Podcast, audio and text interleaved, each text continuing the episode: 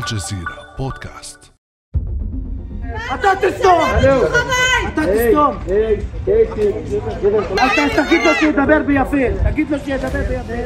أصوات مزعجة وصاخبة تلقي الرعب في قلوب الأطفال النائمين الحالمين. ذلك ما تفعله هتافات جماعات المستوطنين حين يجوبون مع ساعات الصبح الأولى أزقة وشوارع حي الشيخ جراح بالقدس المحتلة ويعربدون فيها تحت حماية قوات الاحتلال الإسرائيلي. مشهد يومي زادت حدته اعتداءات الاحتلال على العائلات المهددة بهدم بيوتها في حي الشيخ جراح تحدثنا الحاجة فاطمة سالم. والله إحنا صحينا من النوم لقينا جارنا بنادي علينا بقول إلحقوا إلحقوا المستوطنين دخلوا الدار. دخلوا الحكورة وشي قاعدين بشيكوا فيها. في قوموا قوموا نركض اللي هم بقيناهم مجموعة كبيرة. نازلين بشيكوا بالأرض هون ومنعونا نطلع عليها وتقتلنا إحنا وياهم. وضربوني ودبوني على الأرض. والشرطة واقفة بتتفرج علينا ولا سووا إشي. وبيبعدوا فينا هم الشرطة نفسهم بيبعدوا فينا بدهم يدخلونا على جوا الدار وإحنا مش قادرين ندخل. حاولنا نمنعهم ما قدرناش نمنعهم لأنه بقول لك ضربوني ودبوني واشتبكوا مع أولادي. والجيران كلها هاي ضربوا كمان جارتنا مرت الساعة وكسروا لها إيدها. هذا اللي هو اريا كينج بقول لي أنا بدي آخذ كمان الدار. هاي تبعتنا كمان كم من يوم أنا جاي أستلم الدار كمان. معركة تجريد أهالي حي الشيخ جراح من منازلهم ومحاولات التحايل عليهم في المحاكم الإسرائيلية ما زالت مستمرة ومعها تتزايد هجمات المستوطنين بدعم من زعمائهم. أبرز هؤلاء عضو الكنيست المتطرف إيتمار بن غفير الذي أقام مكتبا في قلب الشيخ جراح مؤخرا ليكون بوابة لاعتداءات المستوطنين على عائلات الفلسطينيين وبيوتهم. اجوا قطعان مستوطنين مع سيلفرشتين مع مدعي آري كينج اجوا على هنا وتهجموا علينا وتهجموا على الأرض وكملوا الشبك إحنا وقفناهم قبل فترة. واعتدوا على جار من جيراننا اعتدوا على كريم اعتدوا علي اعتدوا على أخوي اعتدوا على الوالدة. كانت طريقتهم همجية. قوات الاحتلال زي ما أنت شايفة هي واقفين هنا برضه كمان. وواقفين معهم بيساندوهم. إنهم إحنا يمنعونا انه إحنا ندافع عن أرضنا وعن ارض فلماذا يستميت الاحتلال الإسرائيلي لتهويد حي الشيخ جراح في مدينة القدس؟ وما قصة العائلات الفلسطينية المهددة بالطرد مجددا وبهدم بيوتها في حي الشيخ جراح؟ وما تأثير ذلك على الأحياء المقدسية المجاورة؟ وهل تمثل الاعتداءات المتجددة في حي الشيخ جراح شرارة مواجهة شاملة تمتد لكافة المناطق الفلسطينية؟ بعد أمس من الجزيرة بودكاست أنا أمال العريسي.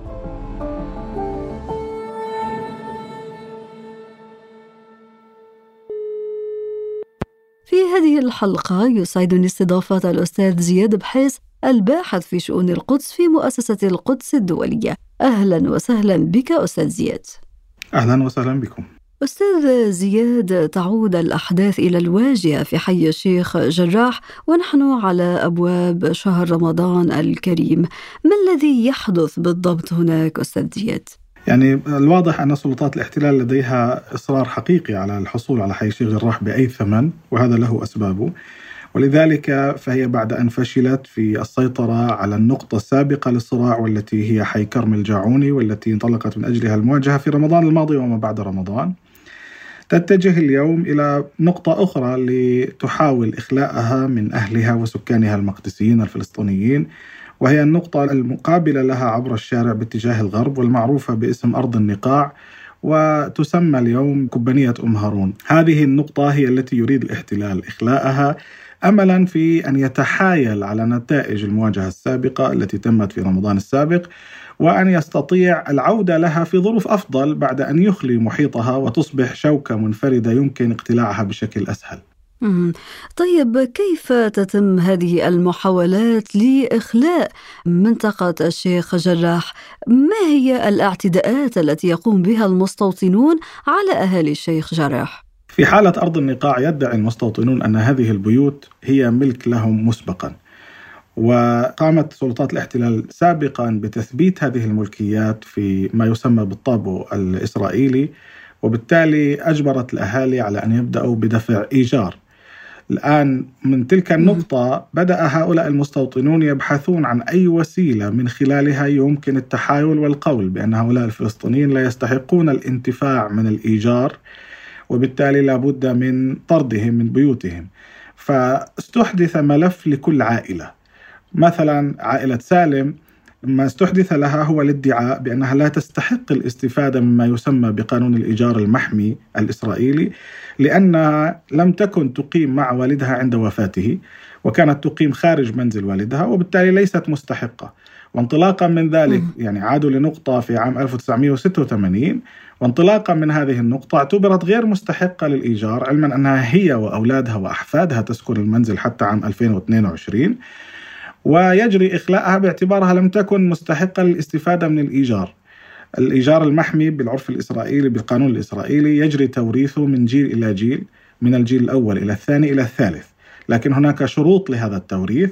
هذه الشروط منها أن يكون المستفيد قريب من الدرجة الأولى وأن يكون مقيما في نفس الوحدة السكنية عند وفاة المستأجر السابق. الآن هذا المدخل هو الذي يراد تهجير عائلة سالم على أساسه.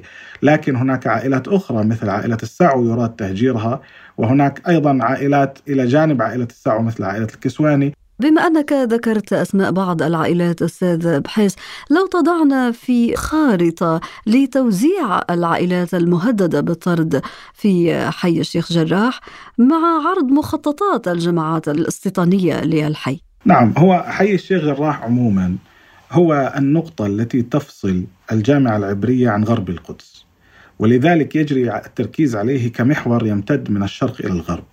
الآن هناك خمس جبهات لحي الشيخ جراح لو أردنا أن نأخذها من الشرق إلى الغرب. الجبهة الأولى هي ما يعرف بقصر المفتي وكرم المفتي وهي المقابلة تماما للجامعة العبرية. هذه المنطقة جرى الاستيلاء عليها بدعاوى مختلفة. جرى الاستيلاء على قصر المفتي من خلال صفقة اشتريت فيه من أحد الورثة الذين آل إليهم هذا المبنى. وكان قد حول إلى فندق شيبرد. ثم جرى الاستيلاء على كرم المفتي المقابل له ومساحته 30 ألف متر مربع. انطلاقا من اعتباره أنه ملكية لشخص غائب وهو مقصود في ورثة عائلة الحسيني وبدعوى تحويله إلى حديقة توراتية. إلى الغرب منها قليلا. هناك أرض تابعة لها هي أرض عائلة صالحية. وهذه عائلة صالحية كانت العائلة عمليا التي ترعى أملاك عائلة الحسيني وتزرعها من الناحية الزراعية يعني تهتم بها. وهي تقيم على أرض مساحتها ستة ألاف متر. فالاحتلال سيطر على هذه الأرض في شهر واحد 2022 وأخرج هذه العائلة من بيتها وهدم البيت. لو ذهبنا إلى الغرب قليلا نجد كرم الجاعوني الذي هو المركز الأساسي لحي الشيخ جراح ومساحته 18 ألف متر مربع. وهذه البؤرة التي أراد الاحتلال أن يخلي جميع سكانها في التجربة السابقة وفي المواجهة السابقة وعلى الأقل أن يبدأ بذلك من خلال أربع عائلات أساسية. هي في ذلك الوقت كانت أسماءها مشهورة أبرزها عائلة الكرد ولم يستطع. إلى الغرب منها. توجد أرض تعرف بأرض المشاع العائلي على اعتبار أنها ميراث لمجموعة من العائلات كانت تشترك فيها. هذه الأرض أيضا تحايل الاحتلال من خلال تقسيم ملكيتها لكي يسيطر على أربع دنومات منها أربع ألاف متر مربع. كانت تستخدم كموقف للسيارات وكمغسل للسيارات وسيطر عليها بحكم قضائي في شهر 11 2021 ومن ثم إذا ذهبنا إلى الغرب ملاصقا لما يسمى بالخط الأخضر يعني ملاصقا للجزء الغربي من القدس تأتي أرض النقاع التي تسمى بكبانية أم هارون والتي يجري الحصار أو العمل على تهجير أهلها اليوم. محاولات التصفية هذه. هدفها الأساسي هو تطويق كرم الجاعوني من جميع الجهات. باعتبار كرم الجاعوني هو مركز هو قلب حي الشيخ جراح. ومن ثم تصفية كل ما يحيط به تسمح بالعودة إليه. وبحسمه في ظروف أفضل للاحتلال وباقتلاعه كشوكة منفردة. الآن إذا أردنا أن نحمي ما أنجز في رمضان السابق وفي المواجهة السابقة وأن نمنع تهجير حي الشيخ جراح فلابد اليوم من منع تصفية أرض النقاع المعروفة بكبانية أم هارون. ولكن رغم تصدي العائلات لكل هذه المحاولات أستاذ زياد بحيص نتساءل هنا عن سبب الإصرار المتواصل من قبل المستوطنين والجماعات الدينية المتطرفة طبعا تحت حماية الاحتلال الإسرائيلي إصرارها على الاستيلاء على هذه الجبهات والمواقع التي ذكرتها. طبعا حي الشيخ جراح هو شيء مركزي بالنسبة لكيان الاحتلال بذاته وليس فقط الجمعيات الاستيطانية وهذا يعود لثلاثة أسباب. الأول جغرافي والثاني سكاني والثالث تاريخي. السبب الجغرافي هو أن الاحتلال يعتبر الجامعة العبرية باعتبارها نقطة الارتكاز الاستيطاني المركزية وهذا ما نغفله كثيرا عند النظرة لها والحديث عنها أكاديميا. هي في أساسها مشروع استيطاني للسيطرة على الجغرافيا. فهي التي تريد أن تمتد من موقعها باتجاه الغرب لتتصل بغرب القدس المركز اليهودي الذي استحدث في غرب القدس عام 1948 بعد تهجير أهله. وبالتالي يقف حي الشيخ جراح ما بين هذه الجامعة العبرية وما بين المركز الغربي للقدس. ومن ثم تريد أن تمتد نحو الشرق لكي تتصل بالكتلة الاستيطانية الكبيرة المسماة بكتلة أدوميم وتقف بينها وبين كتلة أدوميم بلدة العيسوية. ولذلك فالعيسوية والشيخ جراح يمكن القول أنهم جبهتان توأمان في مواجهة الاستيطان ومحاولة طمس هوية مدينة القدس. هذا السبب الجغرافي يليه السبب السكاني وهو أن المركز التاريخي للقدس القدس لها نسيج تاريخي نسيج مركزي يبدأ شمالا من حي الشيخ جراح ويمتد ليشمل وادي الجوز وشارع صلاح الدين والصوانة والشياح والبلدة القديمة وسلوان ورأس العمود والثوري. هذه الأحياء معا لا يوجد فيها اختراق يهودي عميق لا يوجد فيها اختراق استيطاني عميق. الوجود الاستيطاني فيها يقتصر على ثلاث مستوطنات اثنتان منها شبه فارغة اللي هي مستوطنة معليها زيتيم ومستوطنة بيت أوروت. والبؤرة الاستيطانية المليئة أو الجزء الاستيطاني المليء بالسكان في حوالي 3000 شخص هو الحي اليهودي في البلدة القديمة.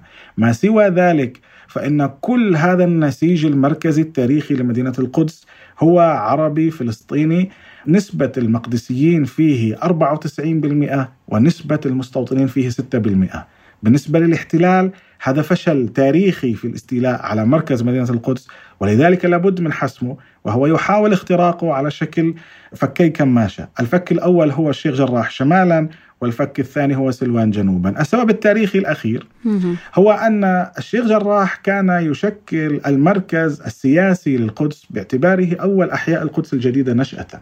وكانت نخبة القدس وبالذات العائلة الحسينية هي التي أسسته وبنته انطلاقا من ذلك تنطلق منه معظم المظاهرات والثورات الفلسطينية وهو أيضا مركز للمؤسسات الفلسطينية الثقافية والسياسية وهو مركز حتى للقنصليات الأجنبية، الاحتلال يريد أن يمحو كل هذا الوجود السياسي الفلسطيني في القدس ولذلك لابد من محو حي الشيخ جراح. جميلة هذه اللمحة. أستاذ بحيس التي قدمتها عن مختلف الأسباب التي تفسر إصرار الاحتلال للسيطرة والاستيلاء على حي الشيخ جراح. هناك نقطة أخرى لافتة أستاذ بحيس وهي أنه هذا النائب المتطرف الصهيوني في حي الشيخ جراح إتمار بن غفير الذي أنشأ مكتبا في هذا الحي وهو أحد الرموز الاستيطانية المتطرفة التي سبق أن فجرت أحداث القدس في مايو الماضي. ما دلالات هذه الخطوة التي يقوم بها هذا المستوطن؟ إتمار بن كفير هو التلميذ المباشر للحاخام المتطرف مائير كهنا والذي أسس حركة كاخ. وحركة كاخ شعارها قبضة اليد المضمومة بمعنى هكذا. يعني أننا سنأخذ هذا المكان بالقوة. المسألة ليست مسألة إثبات أحقية وليست مسألة صراع ذهني ولا صراع فكري. المسألة مسألة قوة وأن هذه القدس وهذا المسجد الأقصى سيؤخذ بالقوة من أهله وأصحابه. هذه الحركة دخل مائير كهانة إلى الكنيست في انتخابات عام 1984 لكن الكنيست الصهيوني بذاته سن قانونا لكي يمنعوا من العودة إليه. وفي عام 1988 منع من العودة واعتبرت حركته حركة متطرفة وحركة إجرامية حتى بعرف الاحتلال في ذلك الوقت. في ذلك الوقت كان إتمار بن كفير أحد التلاميذ المعجبين بما يكهنا وهو أيضا متهم بعدة قضايا حكم عليها بالسجن نتيجة الاعتداء على فلسطينيين أو سوء التصرف بالأموال أو الحيازة غير المشروعة للسلاح. وكذلك هو يفتخر بباروخ جولدشتاين منفذ مجزرة الحرم الإبراهيمي وهو يعني يعتبر نفسه يسير على خطاه لكن في المسجد الأقصى وفي القدس كما كان باروخ جولدشتاين في الخليل. نحن نتحدث عن أبشع وجوه الاحتلال الصهيوني لكن هذا الوجه شديد البشاعة الذي بات يدخل من فكرة الإحلال الجغرافي والإحلال السكاني إلى الإحلال الديني. هذا الوجه اليوم هو جزء من المنظومة السياسية الصهيونية وهو جزء مركزي من هذه المنظومة. كان حليفا مباشرا لنتنياهو الذي يعني كان رئيسا للوزراء في الانتخابات الأخيرة. وما يزال حزب الصهيونية الدينية يتبنى جميع أطروحاته. عندما أسس هذه الخيمة هو يريد أن يضع الحكومة الإسرائيلية تحت ضغط أن لا تتراجع وأن تخلي أهل حي الشيخ جراح وأن يحول هذه الخيمة إلى بؤرة مستمرة لتصعيد المعارضة ضد الحكومة الإسرائيلية بحيث هذا الإحراج يؤدي إلى أن تضطر الحكومة الإسرائيلية إلى إخلاء حي الشيخ جراح. بلغة أخرى هو يريد أن يضع وزنا صهيونيا شعبيا مقابل الوزن الفلسطيني الشعبي أن يحول هذه الخيمة إلى محج للسياسيين وهذا حصل كثير من سياسيي الليكود يتضامنون معه. كثير حتى من السياسيين الذين آه، هم في الحكومة الإسرائيلية يتضامنون معه وبالتالي تتحول هذه الخيمة شيئا فشيئا إلى نقطة إلى بؤرة للمطالبة بالتخلص من أهل حي الشيخ الراح بطردهم بتنفيذ المهل التي تسمى بقانونية لكنها في الحقيقة مهل الاستيلاء على بيوتهم والتي كانت تعطي عائلة سالم حتى الأول من مارس القادم لكي يجري إخلاءهم من منزلهم وهي المهلة التي اضطر الاحتلال إلى تجميد العمل بها تحت الضغط الشعبي لاحقا.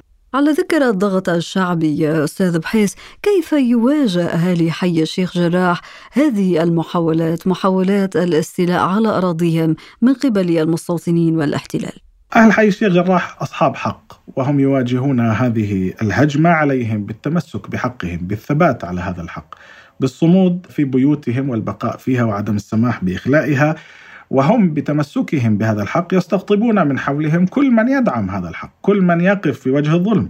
ولذلك نجد الشيخ جراح قد عاد من جديد محجا للمتضامنين وللمناصرين.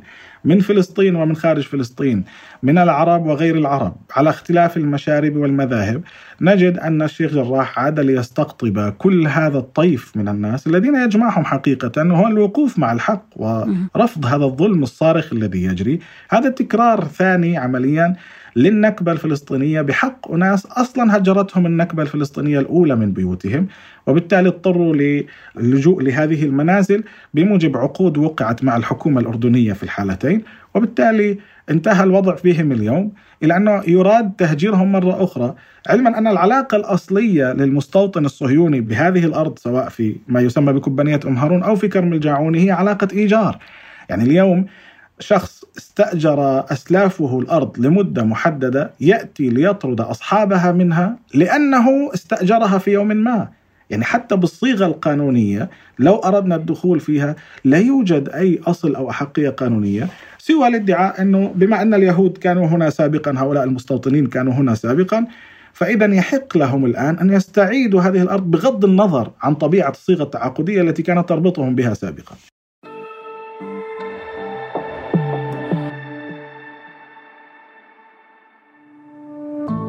ابقى على تواصل مستمر مع الجزيرة بودكاست ولا تنسى تفعيل زر الاشتراك الموجود على تطبيقك لتصلك الحلقة يومياً.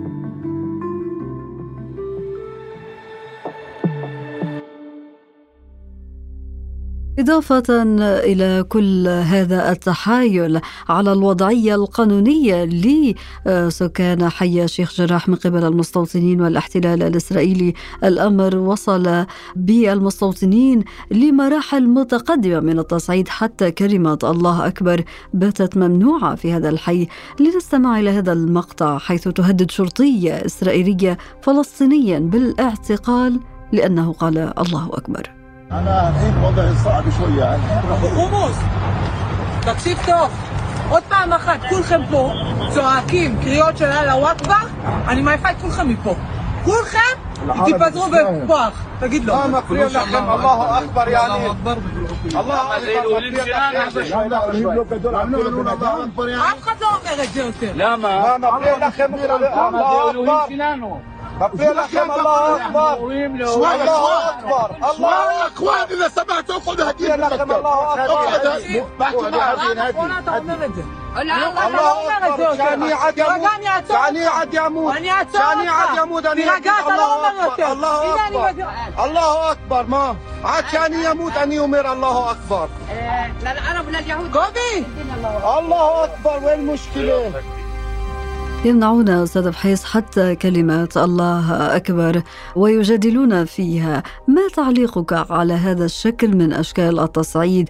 أليس هذا منعا لكل ما هو علاقة بالدين الإسلامي مقابل إرضاء المستوطنين في الوقت الذي يسعى أو يعمل فيه المستوطنون على الاعتداء بالألفاظ البذيئة بتعنيف الفلسطينيين وهم يدافعون عن أرضهم وعن بيوتهم؟ بقدر ما يبدو هذا عدوانيا إلا أنه يشير إلى هشاشة العقيدة الصهيونية في الحقيقة، لأن العقيدة الصهيونية عقيدة إقصائية إحلالية، فهي لا تحتمل وجود الآخر، لا يوجد لديها مقولة استيعابية.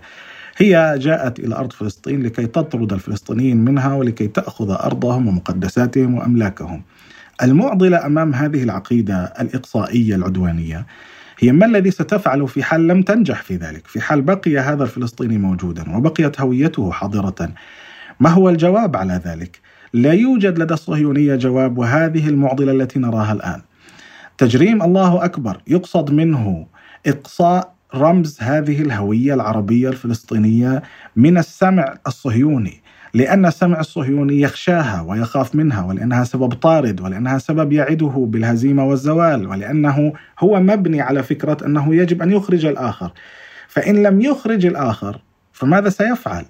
الحقيقة أن التحليل التاريخي لسلوك المستوطنين الصهاينة في المدن المختلطة تقول بأنه إن لم ينجح في إخلاء الطرف الآخر فإنه هو الذي سيميل للمغادرة لأنه وعد بدولة صافية تنتمي إلى قومية مزعومة واحدة هي القومية اليهودية.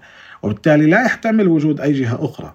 لذلك الله أكبر ليست ممنوعة فقط في الشيخ جراح. الله أكبر هي تهمة إن قيلت في المسجد الأقصى أثناء الاقتحامات ويجري اعتقال من يقولها ويذهب به إلى المحكمة وتوجه له تهمة قول كلمة الله أكبر. الله أكبر كأذان طرح مشروع قانون ثلاث مرات في الكنيسة الصهيوني لحظره. وآخر نسخة من هذا القانون أقرت كانت تقول بأنه لابد من تحديد نطاق السمع عند النطق بكلمة الله أكبر في الأذان. وبناء على ذلك جرى تحديد مدى مكبرات الصوت في المناطق المختلطة وفي المناطق التي يوجد في محيطها مستوطنات كي لا يسمعها المستوطنون لأنهم ليسوا معدين لكي يواجهوا أي هوية أخرى في مكان وجودهم. ووجود هذه الهوية هو عنصر طرد لهم على المدى البعيد. وهو الذي يشعرهم بأن هذا ليس مكانهم وبأن هذه ليست أرضهم وبأنها تلفظهم. ولذلك رأينا كيف استجاب لها الفلسطينيون بكل عفوية ومباشرة بأنهم رددوا كلمة الله أكبر وأصروا عليها لأنهم يدركون أن هذه عمليا نقطة ضعف في الوجود الصهيوني. بقدر ما تبدو نقطة هجومية يراد بها محو كل ما يتعلق بالهوية العربية الإسلامية في القدس. الله أكبر عليهم أستاذ زياد. يعني يحاولون حتى تكميم أفواه الفلسطينيين من قول الله أكبر. أستاذ زياد في ظل هذه الظروف المعقدة على الساحة الفلسطينية التي وصلت إلى طريق مسدود سياسيا واقتصاديا سواء في القدس أو الضفة الغربية أو قطاع غزة إضافة إلى مخاوف الاحتلال من الفشل في إخلاء حي الشيخ جراح.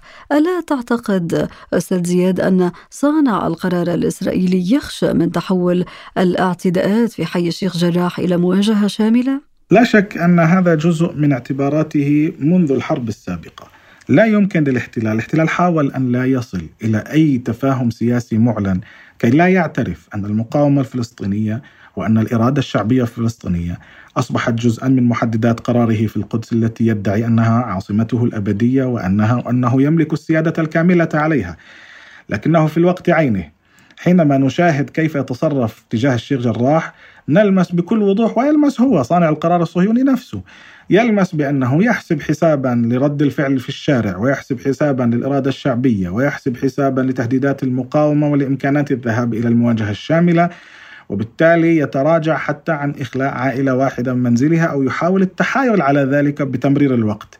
لا شك أن هناك معادلة فرضت وإن لم تعترف بها التسويات السياسية لكنها موجودة على الأرض وحاضرة في الأذهان.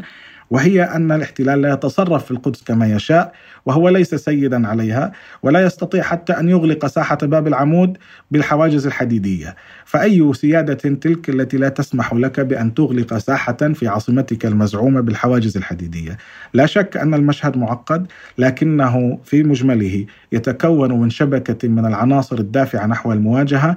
إذا ما جمعنا المشهد في الشيخ الراح مع المشهد في الأقصى والذي يتجه إلى عدوان كبير عليه في شهر رمضان المقبل حينما يتقاطع الأسبوع الثالث من رمضان مع ما يسمى بعيد الفصح العبري.